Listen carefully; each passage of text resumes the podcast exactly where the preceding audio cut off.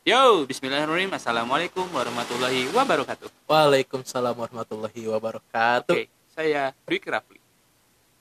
Eh, Maklum boy, udah minum gua. Eh, minum naon ya? Pokoknya eh, saya Dwi Rafli dari podcast Pinggir Jalan. Ini adalah konten pertama saya yang pertama kali dan pertama banget bikin podcast. Sebenarnya kalau misalkannya pengen cek konten saya itu ada di YouTube. Nama YouTube saya Dwi Rafli dan itu isinya sampah semua. Jadi untuk apa Anda bikin konten? Untuk tugas kuliah. Itu sudah pasti. Tugas kuliah micro teaching, penjelasan tiap materi bab per bab di buku saku sekolah. Oke, kayak gitu. Dan mohon maaf juga, ini karena kita podcastnya di pinggir jalan, bakal ada suara-suara seperti itu. Semoga tidak terekam. Ya, saya tidak sendirian. Saya bersama dengan Niko Prayoga. Niko Prayoga adalah mahasiswa UIN Sunan Gunung Jati Bandung jurusan Sejarah Peradaban Islam. Tapi kita akan sedikit menanyakan kenapa dia masuk sejarah. Dan seperti yang kita tahu, sejarah itu mahasiswa-mahasiswa sejarah masa depan suram karena mempelajari masa lalu Bener. dan tidak ada kepastian karir. Satu fakta yang fakta. Dan itu yang menjadi pertanyaan saya. Setelah Anda lulus, Anda akan jadi apa?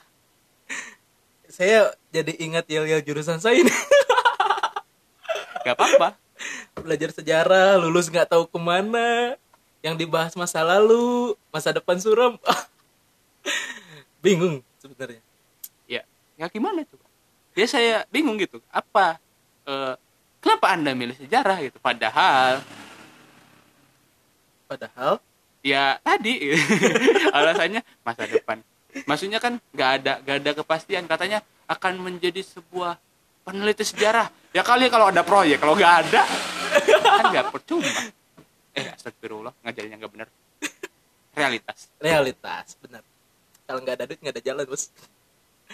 gitu minimal gue kan anak pendidikan Nah. anak pendidikan cukup Jelas. nya gue ya jadi Jadi guru. jadi guru kalau udah bagus jadi PNS naik. enggak juga PNS itu oh ulah jangan ah saya gak berani Ah, saya harus meeting Anda lagi. Saya Apa ya? berani pokoknya Sejarah. itu Eh, kenapa bisa masuk sejarah Apa ya? Saya juga sebenarnya nggak tahu kenapa dia masuk sejarah. Karena pas pas daftar kuliah saya cuman main klik aja. Apa karena itu ada di fakultas yang notabene mitosnya adalah Eh. mitos ya mitosnya adalah ketika masuk jurusan selain jurusan pendidikan anda bisa mengisi ujian itu dengan mata tertutup dan pasti akan keterima mitosnya Dan mitosnya dan saya percaya mitos itu dan mitos itu terbukti terbukti betul sekali. Karena pada saat ujian saya menjawab semuanya dengan cuma-cuma. Apa ya? Kalau kalau saya juga sebenarnya nggak tahu kenapa masuk sejarah gitu. Karena saya suka sejarah karena diajak ngobrol sama teman saya di Cirebon selama 6 jam. Yang awal pembahasannya adalah tentang konspirasi. apa hubungannya konspirasi dengan sejarah ngaco Gak tahu ya, saya itu tipikal orang yang apa ya? Sebenarnya kalau bisa disebut suka kebenaran, suka kebenaran gitu. Jadi awal saya cinta dengan sejarah itu karena ya pengen tahu kebenarannya. Bener nggak sih cerita-cerita yang diceritakan oleh teman saya gitu? dan ternyata dan ternyata bohong kan bajingan sekali.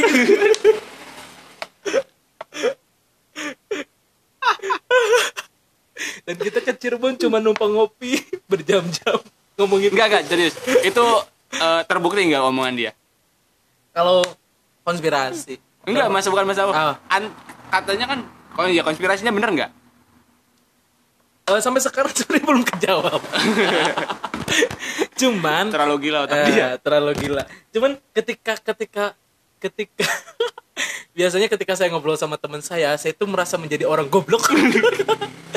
Pada saat itu yang nggak tahu apa-apa gitu dan memotivasi saya untuk bisa mendebat dia balik jadi motivasi saya cinta sejarah adalah supaya bisa mendebat teman saya balik. Dan ternyata hasilnya dan ternyata akhirnya belum mampu. Belum mampu. Belum mampu. Belum mampu bos. Parah. Nggak, tapi tapi jujur. Udah kita itu orang. Emang emang bener sih. Awal awal kecintaan gue gitu. Es gue. Tai. Awal kecintaan saya terhadap sejarah ya karena pertama sering diceritakan hal kayak gitu dan ingin tahu gitu eh, kebenarannya seperti apa sih gitu kan. Dan untuk mencari sebuah kebenaran itu kan harus tahu akar rumputnya dulu. Akar rumput itu dari sejarah. Kedua karena saya merasa menjadi orang goblok tadi. Dan dari situ ini gak bakal layak tayang kalau pakai bahasa kasar semua. Tapi gak apa menjadi berani itu kebahagiaan. Ya benar kan. Saya merasa orang yang apa ya waktu itu orang yang tidak berpengetahuan lah katakanlah. tidak tahu apa-apa tidak tahu segalanya gitu. Dan itu yang memotivasi, memotivasi saya buat ah kayak pas balik dari ngobrol itu ah kayaknya gue harus banyak baca deh. Ah kayaknya gue harus banyak ini deh. Eh kayaknya gue harus banyak ini deh gitu kan. Dan dari situ malam itu juga jadi motivasi buat ah kayaknya masuk sejarah enak. Itu sih sebenarnya awalnya. Dari keingintahuan kemudian kebenaran dan lain-lain gitu kan yang membuat cinta dengan sejarah tuh itu. Dan ketika sudah masuk ke sana ke sejarahnya gitu kan ya saya mungkin mendapatkan beberapa hal yang katakanlah kebenaran-kebenaran dalam sejarah gitulah gitu kan yang ada korelasinya dengan saat ini gitu kan. Dan cukup puas gitu namun masih kurang puas karena beberapa jawaban saya belum bisa mendebat teman saya itu ternyata motivasinya. Sangat pendendam sekali. Sangat konyol sekali gitu kan? Enggak kalau konyol setiap orang punya alasan bro. Tapi yang jadi yang jadi permasalahan itu adalah ketika tadi dendam itu bisa menjadi motivasi manusia. Keren juga. Saya baru tahu ketika manusia dendam itu malah menjadi hal entah sih entah positif ataupun negatif tapi saya meresponnya ini juga suatu hal yang baik. Bisa eh, menumbuhkan nilai baca seseorang. Ya. Ada ada munculnya nilai nilai nilai baca karena kita tahu negeri negeri kita ini mungkin yang baca banyak tapi ketertarikan terhadap suatu bacaan itu kurang. Ya betul sekali. Tapi itu bukan tugas kita. Karena tugas, tugas itu yang adalah orang-orang yang orang lain. karena saya bukan or- bukan orang matematis yang ada di statistik. Yes. saya kan anak pendidikan bahasa yang nggak jelas bahasa apa. Enggak lah bahasa bahasa yang mulia saya. Eh apa? Lagi ya? Oh iya tadi saya sedikit menikmati ketika tadi. Ada keinginan untuk membaca. Nah sebenarnya saya akan nanya sedikit. Mendalam tapi gak mendalam mendalam banget sih. Eh apa bacaan? Eh eh, apa bacaan yang yang menjadi eh, kunci yang membuat anda bisa seperti sekarang bacaan oh gila ternyata enak banget ketika gue baca gitu buku apa kalau misalkannya buku-buku apa Ya. bacaan bacaan apa kalau apa ya sebenarnya ketika awal-awal eh, saya suka membaca sebenarnya kan kalau bacaan itu kita harus punya tema sendiri ya katakanlah seperti itu. Dan ketika awal-awal saya suka dengan membaca suka dengan eh, ketika kuliah gitu saya bingung gitu. Maksudnya harus ngambil sejarah apa? Saya lebih suka ke mana dan sebagainya gitu kan. Dan mungkin saya tarik tarik aja ya gitu. Maksudnya awal bacaan saya ketika kuliah itu adalah bacaan sejarah secara riwayat gitu. Nah jadi awalnya itu adalah sirah. Tebak. Ya awalnya itu adalah sirah karena walaupun waktu itu ketertarikan saya terhadap eh, apa namanya pergerakan karena sudah di dokter karena sudah didoktrin. Karena sudah didoktrin. Walaupun pada itu sebenarnya lebih suka kepada hal-hal yang politis hal-hal eh, pergerakan hal-hal yang berpacu pada satu kebenaran gitulah.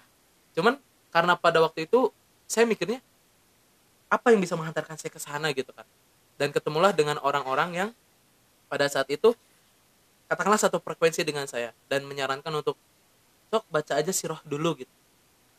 Akhirnya saya baca di sana dan memang ternyata setelah saya baca banyak sekali korelasi-korelasi antara siroh dengan sejarah-sejarah yang dibicarakan saat-saat ini.